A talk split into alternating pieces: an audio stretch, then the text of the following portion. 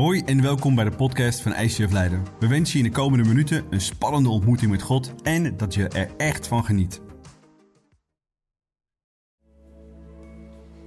Mam, mam, mag ik het eerste deurtje van de adventskalender openmaken? Pap, pap, eh, wanneer is het al tijd voor kerst? Ja, en wanneer komt de kerstman in Nederland? Ja, ho, ho, ho, ho, maar ik, ik ben er al, hè? Ik ben er al.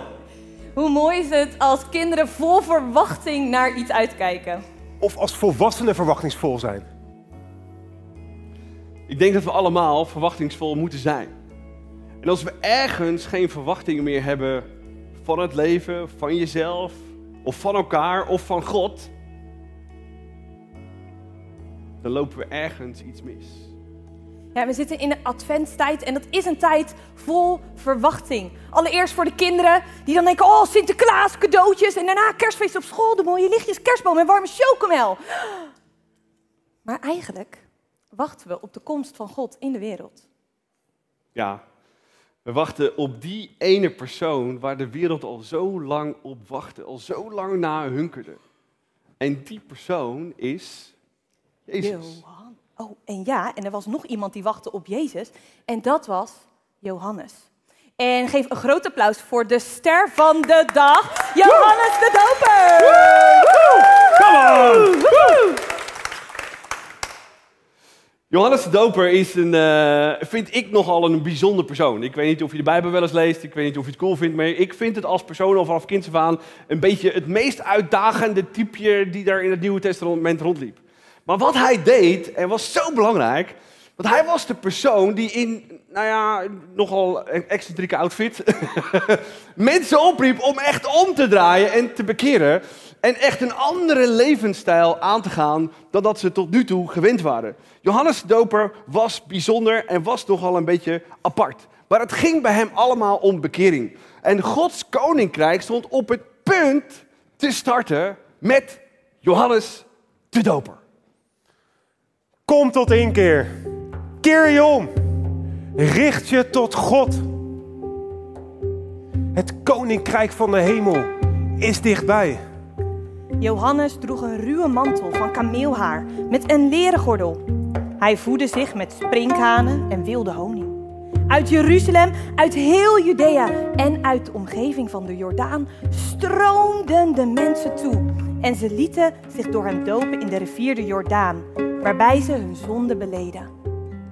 En ik zie de doop echt als een grote voorjaarsschoonmaak. Waarbij je je volledig onderdompelt in het water van de Jordaan. En je de zonde van je verleden van je afspoedt. En gaat leven volgens God veel mensen.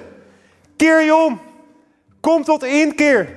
Zo kan het niet langer doorgaan. Verander je leven. Hé, hey, zo kan het toch niet langer doorgaan. Zeiden ze dat dus 2000 jaar geleden ook al? Ik denk dat het een vraag is die we vandaag de dag heel goed kunnen herkennen. Als we denken aan alle crisissen die we hebben, de oorlogen die gaande zijn. Als we denken aan de wachtlijsten bij de GGZ en jongeren die nergens terecht kunnen. Dan kan die vraag toch ook door ons hoofd heen gaan. Zo kan het toch niet langer doorgaan. En dat was dus iets wat ze blijkbaar 2000 jaar geleden ook al zeiden. Ja, en Johannes Doper had een kristalhelder doel. Omdraaien, omkeren en had hele specifieke oplossingen om dat voor elkaar te krijgen. Toen kwam Jezus vanuit Galilea naar de Jordaan om door Johannes gedoopt te worden. Johannes probeerde hem tegen te houden met de woorden: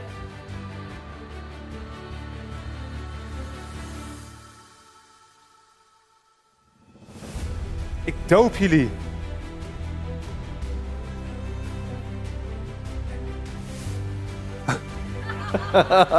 ik zou door u gedoopt moeten worden. Maar u komt naar mij. Maar Jezus antwoordde: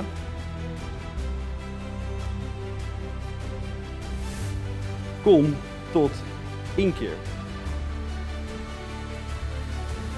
En toen deed Johannes het. Zodra Jezus gedoopt was en uit het water omhoog kwam, opende de hemel zich voor hem en zag hij hoe de geest van God als een duif op hem neerdaalde. En uit de hemel klonk een stem. Dit is mijn geliefde zoon. In hem vind ik vreugde. Wauw. Wat hier gebeurt is zo bijzonder. Wat we hier zien gebeuren, spreekt Johannes de Doper al van wat duizenden jaren voorspeld was. Dat Jezus zou komen, dat alles zou veranderen ten goede. En hij zegt zelfs op andere plekken in de evangelie dat het lam van God, de zoon van God, naar deze wereld zou komen. En dat zegt hij niet alleen, maar hier in dit verhaal gebeurt het ook.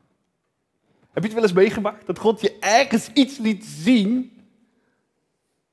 En het gebeurt voor je ogen. Hij ziet Gods zoon aankomen, het lam van God. En sterker nog, hij hoort de stem van God. Dit is mijn geliefde zoon. Het gebeurde waar hij bij stond. De Messias is hier. Degene waar ik op gewacht heb, is gewoon hier aangekomen. Amazing. Wat een moment moet dat geweest zijn voor Johannes. Een echte man van God. En als we niet uitkijken, verliezen we Johannes de Doper een beetje uit het oog vanaf dit punt. Want zodra Jezus gedoopt is, gaat Johannes de Doper ergens op de achtergrond. En dat wist hij, want Jezus moest naar de voorgrond komen. En mensen praten eigenlijk alleen maar over Jezus en hij vond dat helemaal prima. En dat wist hij al en dat was al voorspeld. En het bijzondere is, een paar maanden later, we lezen dat in Lucas, Marcus 6, komen we hem weer tegen. Deze Johannes de Doper. En de grote verrassing is dat hij dit keer niet in een woestijn is. Dat hij niet bij de Jordaan is, mensen te dopen, maar in de gevangenis. Johannes, je zit in de gevangenis. Hoe is dat zo gebeurd? Ja, ik las de wet voor aan Herodes Antipas. Mm, waarom? Tja, hij is getrouwd met de vrouw van zijn broer Philippus. En ik zei tegen hem, het is niet oké om met de vrouw van je broer te trouwen. Zelfs als haar naam Herodias is. U, ja, ik kan me voorstellen dat dat haar triggerde. Yes, ma'am. Ze wilde me zelfs vermoorden. Maar Herodes kwam tussen beiden. Ik denk dat hij een beetje bang voor mij is. Hmm, omdat je een man van God bent? Yes, ma'am. Wauw. Wat een ongelooflijk spannend moment. De man die alles verwachtte van Jezus zit nu opeens in de gevangenis. En hij staat er nog steeds, al zeg ik het zelf, best relaxed bij, toch? Is het een man van geloof? Wel degelijk. Maar de context waarin dit allemaal plaatsvindt, als hij hier zelf in zou zitten, is ontzettend spannend. Johannes kondigde de Messias aan, de redder in nood, waar de verwachtingen zo hoog van waren. En plotseling zit hij zelf in de gevangenis. Misschien totaal onverwacht, misschien niet voorzien door hemzelf. En Jezus doet op dat moment wonder na wonder, na wonder, na wonder, na wonder. Zo Johannes de Doper ook een wonder. Hij hoorde dat verlamde mensen genezen werden, dat zieken weer genezen werden. En zoveel andere dingen die gebeurden. En hij zelf zit daar wanhopig in de gevangenis. Toen Johannes in de gevangenis over het optreden van de Messias hoorde, stuurde hij enkele van zijn leerlingen naar hem toe met de vraag: Bent u degene die komen zou? Of moeten we een ander verwachten? Johannes is gebroken. En vraagt zich letterlijk af: wat in de wereld is hier aan de hand? Een vraag die je afgelopen weken ook gesteld hebt. Wat er in de wereld hier aan de hand is. En dan stel je je de vraag: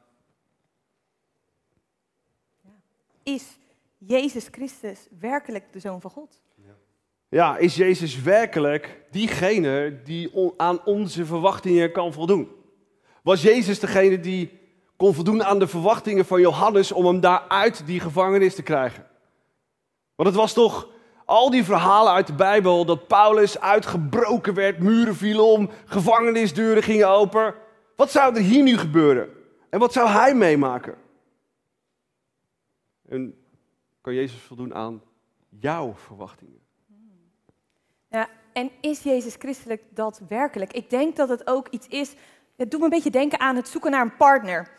Dan ben je nog zo een beetje aan het daten en dan, en dan ontmoet je misschien iemand. En dan kan je ook zo denken: is dit diegene waar ik nou op zit te wachten? Of moet ik misschien nog even langer wachten? Of misschien komt er nog wel iemand beters voorbij. Maar als je eenmaal weet, ja, dit is hij, of dit is ze, dit is degene waarmee ik mijn hele leven wil spenderen. Nou, dan ontstaat er zo'n gevoel, wat er komt als je zo'n iemand hebt gevonden. Nou, en dat gevoel is toch heerlijk? Ja, maar de vraag is, gaat die persoon dan echt voldoen aan je verwachtingen? Ik bedoel, jullie zijn freshly married, alle twee, toch? Ja, applausje voor vijf keer Woe. En ik kan me zo voorstellen dat als je aan het daten bent, woe, allemaal van die vlinders in je buik, dat je denkt, ja, dit is de persoon, maar wil nog steeds niet zeggen dat die persoon van jou naar haar of van haar naar jou toe gaat voldoen aan je verwachtingen. Ik kan me zo voorstellen dat als je dan op zo'n huwelijksdag staat en je zegt, ja, woe, voor de rest van je leven, Mhm. of al die verwachtingen dan ook echt uit gaan komen. Ja, dat kan je inderdaad niet bewijzen. Ja, maar wij gelovigen zijn als hartstochtelijke lovers. Als, als romantici. En dat moeten we ook zijn. Want liefde kunnen we ook niet bewijzen. Het is eerder een soort van innerlijke zekerheid. Maar die we niet goed kunnen verklaren. Zeker.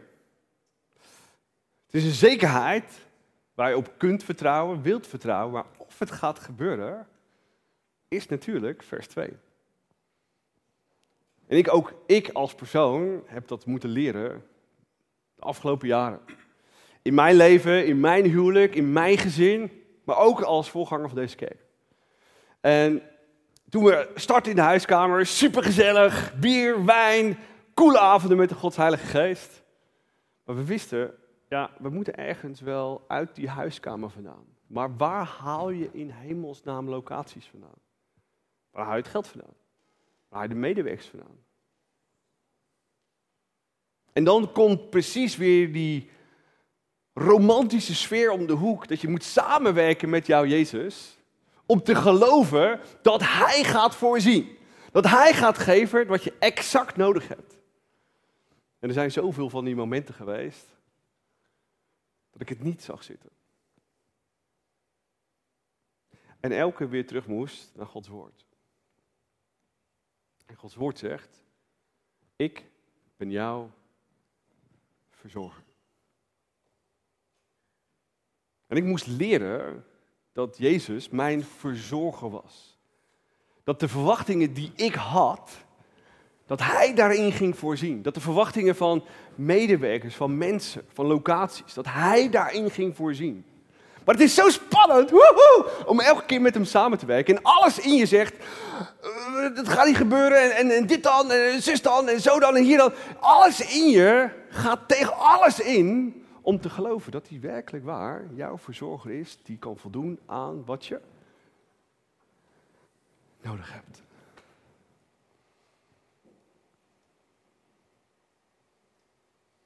En wat ik toen geleerd heb, had ik misschien wel het hardst nodig de afgelopen twee, drie jaar. Corona komt, uitdaging na uitdaging, vijf keer verhuizen in anderhalf jaar. Mentaal stuk, fysiek stuk. Ik niet de enige trouwens. En om dan te blijven geloven dat Jezus tot zijn doel komt. Woe! Jezus, ik geloof het. U kan het doen. Maar ik had het al gisteren nodig, Jezus. Waar blijft u? En om dan te blijven geloven en om sterk te blijven staan, is een van de moeilijkste dingen die er is. En ik durf te zeggen dat het voor Johannes de Doop ook een van de moeilijkste dingen was. Om te gaan staan voor je roeping. Hij was geroepen. Ik ben geroepen. Zijn jullie ook geroepen? Totaal. Om te blijven geloven dat God je alles geeft, niet wat je wilt hebben, maar wat je nodig hebt. Niet voor je eigen droom, maar voor zijn droom door jou heen. Dat is de romance waar God je in wil brengen. Om totaal afhankelijk te zijn van Hem. En dat als je je eigen droom laat varen, dat Jezus je gaat verrassen met een droom en een reis die veel beter is dan je zelf ooit verwachtte. Nice, thanks Arie voor ja, jouw passie voor deze kerk en dat je echt nou ja, je vertrouwen stelde op God als verzorger voor jou en ook voor deze kerk. Dus thanks ervoor. Yes. Ja, jij hebt eigenlijk die twijfels die je misschien heel logischerwijs kon hebben, echt bestreden met wat er in de Bijbel stond. En als we kijken naar Johannes, dan had hij dus ook die twijfels. Maar hij ging er naar, met de, naar de juiste persoon, want hij ging er mee naar Jezus. Hij zond zijn discipelen naar Jezus toe en hij stelde die belangrijke vraag dus Mm. gewoon. Nou, en wat antwoordde Jezus toen? Laten we eens kijken. Jezus antwoordde, Zeg tegen Johannes wat jullie horen en zien. Blinden zien, verlamden lopen, mensen die onrein zijn door een huidziekte worden gereinigd. En doven horen, doden worden opgewekt. En aan armen wordt het goede nieuws bekendgemaakt. Komt-ie? Gelukkig is degene die aan mij geen aanstoot neemt. Woe! Wauw, het was echt een bijzondere tijd. Want de mensen van toen, die wachten op een verlosser. Ze wachten al eeuwenlang op een verlosser. Een persoon die door God gezonden zou worden. En die het in orde zou gaan maken tussen hun en God. En ze kennen de geschriften van de profeet Jezaja. Waarin hij schreef over al die profetieën over de beloofde Messias. Ze waren aan het wachten op hem. En we lezen dan, op die dag zullen doven weer kunnen horen. Hoe uit een boek wordt voorgelezen. En blinden zullen met eigen ogen zien. Bevrijd van donkerte en duisternis. Verdrukten zullen weer vreugde vinden in de Heer. En zwakken juichen om de heilige van Israël. Wauw. Dat is waar het volk toen op wachtte. En ik denk dat we daar allemaal op wachten. En precies dat is wat er destijds gebeurde. Met de komst van Johannes en het start van Jezus' leven. Nog veel belangrijker, toen hij stierf en opstond uit de dood. En we uiteindelijk Gods geest kregen, was de start van het koninkrijk van God. Wat was er daarvoor? Niets dan het volk van God. En vanaf die tijd kon iedereen deel worden van het koninkrijk van God, omdat je de Heilige Geest kunt uitnodigen in je leven. Je geest kunt verzegelen met Gods Heilige Geest. En dezelfde dingen kunt meemaken als wat er hier gebeurt. Wonder na wonder na wonder. Wat heb je daarvoor nodig? Iets heel simpels. Geloof. Is het simpel? Ja, maar dan moet je het wel geloven. Ja, en ik denk dat dat iets is waar ik mee kan struggelen. Zeg maar, want je hebt dus bijvoorbeeld de ene persoon die wordt wel genezen, maar de ander niet. Dus dan is het toch niet allemaal zo perfect, toch al? Zeker. Omdat we hier op deze wereld nog steeds zijn, in een imperfecte wereld, waarin God tot zijn doel wilt komen. Wanneer alles is zoals het moet zijn, is het wachten afgelopen. En ik geloof met mijn hele hart dat we in een perfecte wereld kunnen leven die komt. En dat de wereld waarin we nu leven nog niet perfect is, maar wel kan veranderen als Gods geest bij ons is. En daarom stelt hij, Jezus, sorry, daarom stelt hij deze vraag aan Jezus. Ja, want dat, maar dat stelt hij dus aan Jezus. En dan? Dat Hoe we zit dus dat dan? daarmee aan het struggelen zijn. En we struggelen allemaal met wat Jezus voor ons kan betekenen als we het geloof hebben. En ik kan me voorstellen dat het koninkrijk van God op dat moment dat Jezus kwam aangebroken was. Maar durven we dat te geloven? Durven we dat te gaan zien? En als we de Romeinenbrief bestuderen, dan zien we dat er iets bijzonders gebeurt. Dan willen we die genezing en we zien die genezing ook in Jezus' tijd. maar willen we het ook in onze tijd gaan zien. Dat er verlossing plaatsvindt. Dat er vergeving plaatsvindt. Dat er genezing plaatsvindt. In en door je leven. En de hele wereld in die tijd, met name overheerst door de Romeinen, schreeuwde om verlossing. Overheerst door een buitenlandse macht, ziekte, dood, opstander. Voelt een beetje steeds tijd. Anders na de verkiezingen van afgelopen woensdag. Ja. Hebben we verlossing nodig? Ja. En het is die verlossing die we nodig hebben van onze Jezus. In die tijd, maar nog steeds tot op de dag van vandaag. Maar het is nog niet misschien voor iedereen zichtbaar.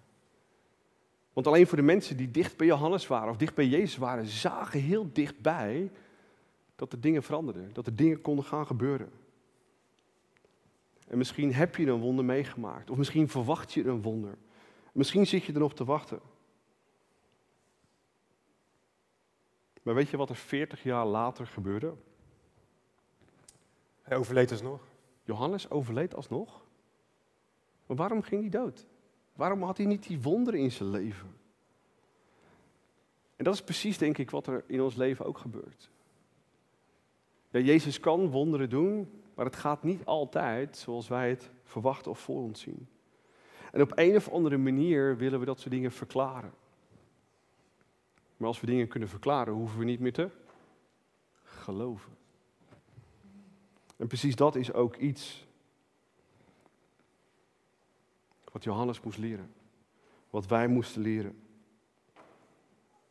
Dat de dood verslagen is. Dat Jezus een oplossing kan zijn in ons leven.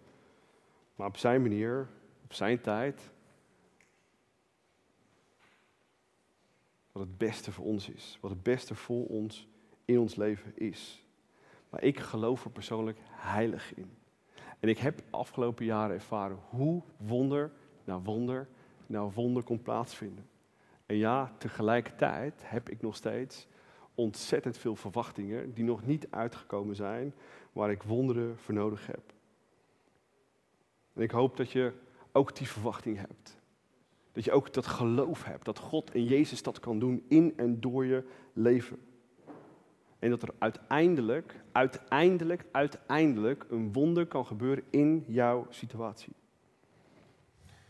Maar het maakt ook dat we soms gaan twijfelen. En het is belangrijk om dat vandaag te benadrukken. Wat we net zeiden. Johannes die het allemaal had gezien. Dat gehoord, hij had zelfs de stem van God gehoord. Hij had Jezus in levende lijven gezien. Hij heeft hem aangeraakt. Hij heeft hem gedoopt. Maar op een bepaald moment in zijn leven, toen hij in de gevangenis zat, kwamen er twijfels. En hoe gek het ook klinkt, maar dat werkt voor mij bemoedigend, geruststellend. Dat zelfs Johannes de Doper begon te twijfelen. Het kan zijn dat veel mensen beginnen te twijfelen en dat is oké. Maar veel mensen hebben dan zoiets van, ja, het werkt niet. Het werkt niet voor mij. Het gaat anders dan dat ze van tevoren hadden gedacht, dat ze zouden denken. Of dat ze zouden willen dat iets zou gaan. En ze gooien geloof over de schutting weg. Ze zeggen, ja Jezus, laat maar zitten. Dit werkt niet bij mij. Dit werkt niet voor mij. En dat vind ik pijnlijk om te zien. Ja, dat snap ik. Maar ergens is het ook eigenlijk wel een beetje begrijpelijk. De Bijbel zegt dat in God in ieder hart een verlangen heeft geplaatst om te zoeken naar wat eeuwig is. Hmm. En dat heb ik zelf ook ervaren. Als meisje van zeven was ik al, uh, sprong ik al zingend op mijn bed en was ik liedjes voor Jezus aan het zingen. Ik heb op de middelbare school een week gehad dat ik uh, in een toetsweek echt het gevoel had dat ik naast Jezus liep en samen met hem door die toetsweek heen ging. Ik heb wonderen gezien, ik heb Jezus liefde diep ervaren en dat maakt dat ik hem nooit, maar ook nooit meer kwijt wil. Maar dat betekent niet dat ik ook geen twijfels heb. En ik kan dat hebben op moment, momenten dat bijvoorbeeld vrienden om me heen door echt heel veel pijn heen zie gaan. En dat het zo oneerlijk voelt. Dat zijn periodes dat ik kan gaan twijfelen. Of periodes dat ik elke dag mijn Bijbel lees en ik ga naar de kerk en, en ik doe toch alles goed. En toch ervaar ik God niet zo dichtbij als ik weet dat het zou kunnen. En het zijn die situaties die dan een twijfel kunnen oproepen. Maar ik vind het geruststellend dat er dan in de Bijbel ook staat. Ook al heeft God het besef van de eeuwigheid in het hart van de mens geplant, toch kan de mens al Gods werk vanaf het eerste begin tot het absolute einde niet overzien. De mens kan Gods werken niet volledig begrijpen. Ik hoef het niet allemaal compleet te hoeven overzien.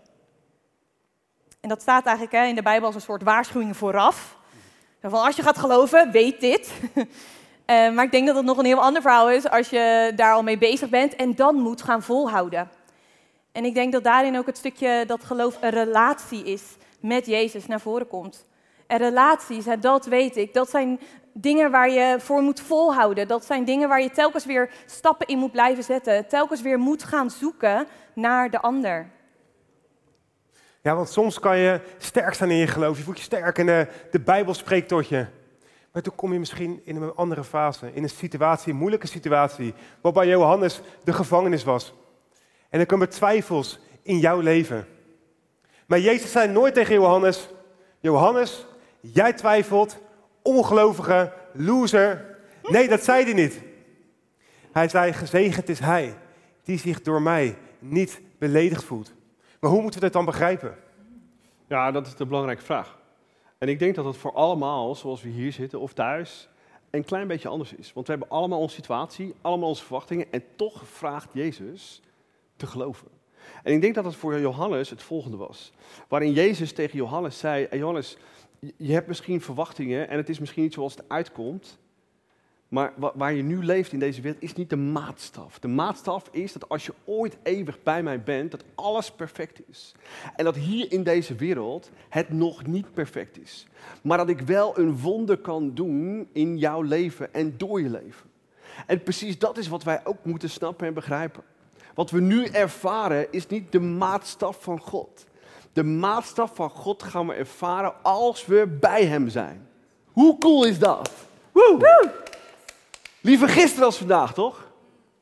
Maar tot die tijd heeft God een opdracht voor ons. Om mensen te bereiken over wie Jezus is. Dat ze hier in het nu, waarin nog niet de maatstaf is, kunnen ervaren wat Jezus liefde is. Wat Jezus trouw is. Wat Jezus wonderen kunnen zijn in en door ons leven. En dat Jezus tegen Johannes zegt. Alles is nog niet perfect. Maar die dag komt. Yes, en dat is het spanningsveld wat we vandaag willen aansnijden. En ik weet niet waar jij staat in jouw reis met jou, Jezus. Misschien heb je wel al van alles met hem meegemaakt. Waanzinnig. En dan zou ik alleen maar zeggen, ga zo door. Moedig je aan, blijf bij Jezus. Blijf je blik op hem richten. Blijf dicht bij hem. Maar ook als je twijfels of vragen hebt, leg ze bij hem neer. Gooi je geloof niet over de schutting heen. En geef niet op. En misschien zit je hier of misschien thuis. En is alles wat je vandaag hebt gehoord vreemd voor je, nieuw voor je. Maar er is iets wat vandaag kan openbreken in jouw leven. Wat wil doorbreken, letterlijk. Dat verlangen wat je hebt. Wat God in jou heeft gelegd. Dat verlangen, de zoektocht naar de eeuwigheid. En dan wil ik je herinneren aan de oproep van Johannes. Keer je om. Kom tot inkeer. Verander je leven. Ga niet zo langer door op je eigen manier. Het koninkrijk van de hemel is dichtbij. En ik wil je graag uitnodigen om op deze dag, 26 november 2023, je leven te beginnen samen met Jezus. Om op avontuur te gaan, samen met Hem. En als je dit vandaag doet, dan is het geen eindpunt van jouw zoektocht. Nee, het is een startpunt. Waarin je op pad kan gaan. Samen met Hem. Waarin Hij jou meer en meer naar vrijheid wilt gaan leiden. Want dat staat ook in Galaten 5. Dat wij daartoe geroepen zijn. En ook dat is een proces. En als je twijfelt, ga dan juist naar Jezus toe. Sla die Bijbel open. Lees over wie Hij is, welke wonderen Hij heeft gedaan. En ga Hem persoonlijk leren kennen. En ik wil je uitnodigen om zo meteen voor twee dingen te gaan bidden. Eén, als je al langer met Jezus wandelt en er komen vragen en twijfels. Het geeft niet, het is oké. Hoort misschien ook wel een beetje bij het geloof. Maar ga er doorheen, samen met Jezus. Kijk naar Hem. En als je hier zit en je kent Jezus niet, dan wil ik je uitnodigen om vandaag een leven te beginnen samen met Hem. En het is zoiets vervullends.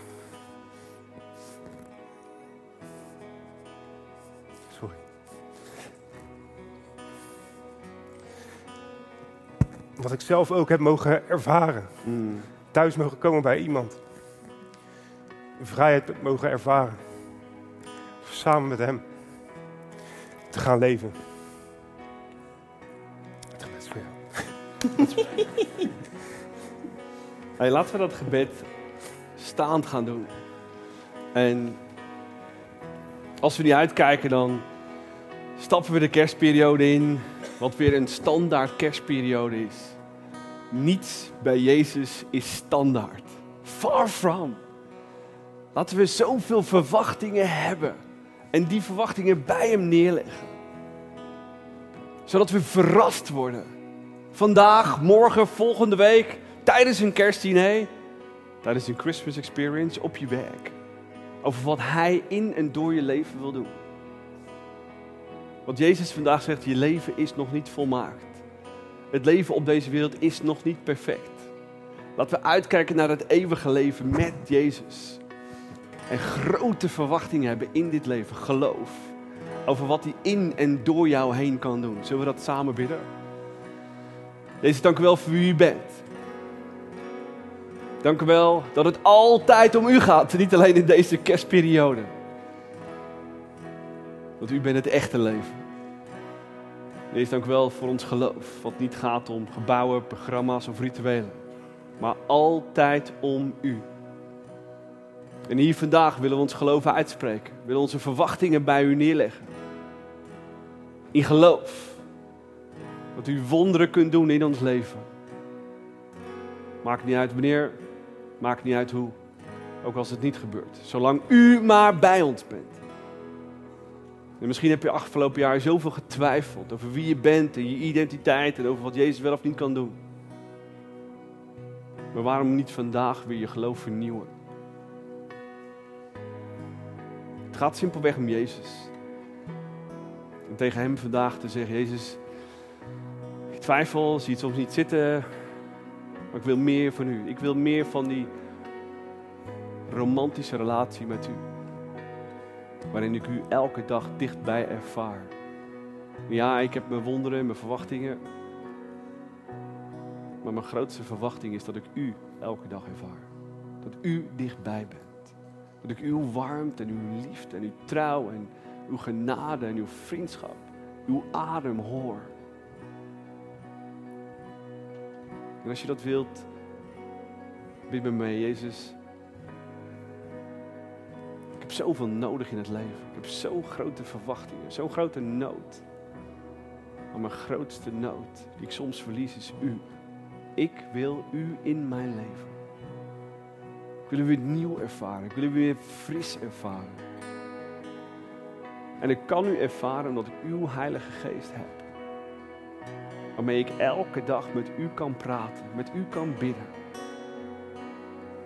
Mijn noden, mijn twijfels, mijn verwachtingen bij U kan uitstorten. Soms met gevloek en getier, want U kunt dat als enige in het universum hebben. En U wilt dat hebben. Want waar zouden we anders heen moeten gaan? Met onze diepe noden en frustraties, dan U alleen. Jezus, ik hou van U. Vernieuw mijn geloof. Kom dichterbij. Fluister. Misschien heb je Gods Heilige Geest nog niet. Misschien is jouw geest, jouw ziel nog niet verzegeld. Zoals we dat in de Bijbel lezen met Gods Heilige Geest. Misschien kan je daar nog niet praten met God en voel je een barrière. De enige manier om te praten met God is door middel van Gods Geest. En als je Gods geest in je leven wilt en je wilt verzegeld zijn met Gods heilige geest, is niet zo heel moeilijk. En als je dat wilt, bid dan met me mee. En zeg, Jezus, dank u wel voor wie u bent. Dank u wel voor uw leven. Dank u wel voor uw offer aan het kruis. Waarmee u al mijn fouten, mijn schaam, schaamte en pijn wilt vergeven, wilt wegspoelen. Zodat ik als persoon helder, foutloos, perfect voor God kan staan. Jezus, kom in mijn leven en geef me uw Heilige Geest. Verzegel mijn geest met uw Heilige Geest. Zodat het hele universum kan zien van wie ik vanaf nu ben. Gods zoon, Gods dochter. Tot in de eeuwigheid. Kom in mijn leven. Verzegel mijn geest en ziel. Zodat ik van voor altijd en eeuwig van u ben. En ik elke dag vanaf nu met u kan praten, want ik heb uw geest. En met uw Heilige Geest kan ik elke dag intappen in het koninkrijk van God, in het hart van God. Ik ontvang dit hier nu op dit moment als het beste cadeau ooit van mijn hele leven. En ik wil vanaf vandaag, elke dag, meer en meer, uw stem helderder, beter verstaan en doen. Wat u belooft, Jezus. Dat u ons leven in overvloed geeft. En dat leven, wat voor mij nu onbekend is, wil ik stap voor stap ervaren. In Jezus' naam. En we zeggen met z'n allen. Amen. Amen. Laten we de volgende nummers ook als een gebed uitzingen naar God. Dat we weten dat het zijn hart raakt. Als we dat zingen uit ons hart. Als we het zingen met geloof. Wetend dat het ons leven verandert. En dat voor onze stad en ons land. Let's worship. Wij hopen dat deze podcast je heeft geïnspireerd en verder geholpen heeft in je relatie met God. Wanneer deze podcast je geraakt heeft en je de inhoud ervan wilt helpen verspreiden, deel dan deze aflevering op jouw favoriete social media platform. Op deze manier horen meer mensen over Jezus en deze boodschap van hoop. Je kunt ons ook financieel ondersteunen, waardoor we een maximaal bereik krijgen op het internet en nog meer mensen nieuwe hoop krijgen. Bedankt voor alles wat jij mogelijk maakt. We geloven dat kerk een familie is, dus of je nu live erbij bent of online meeluistert, we willen jou graag persoonlijk leren kennen. Als we jou persoonlijk verder kunnen helpen, dan horen we dat graag. Check voor info en meer mogelijkheden op onze website. Fijne dag.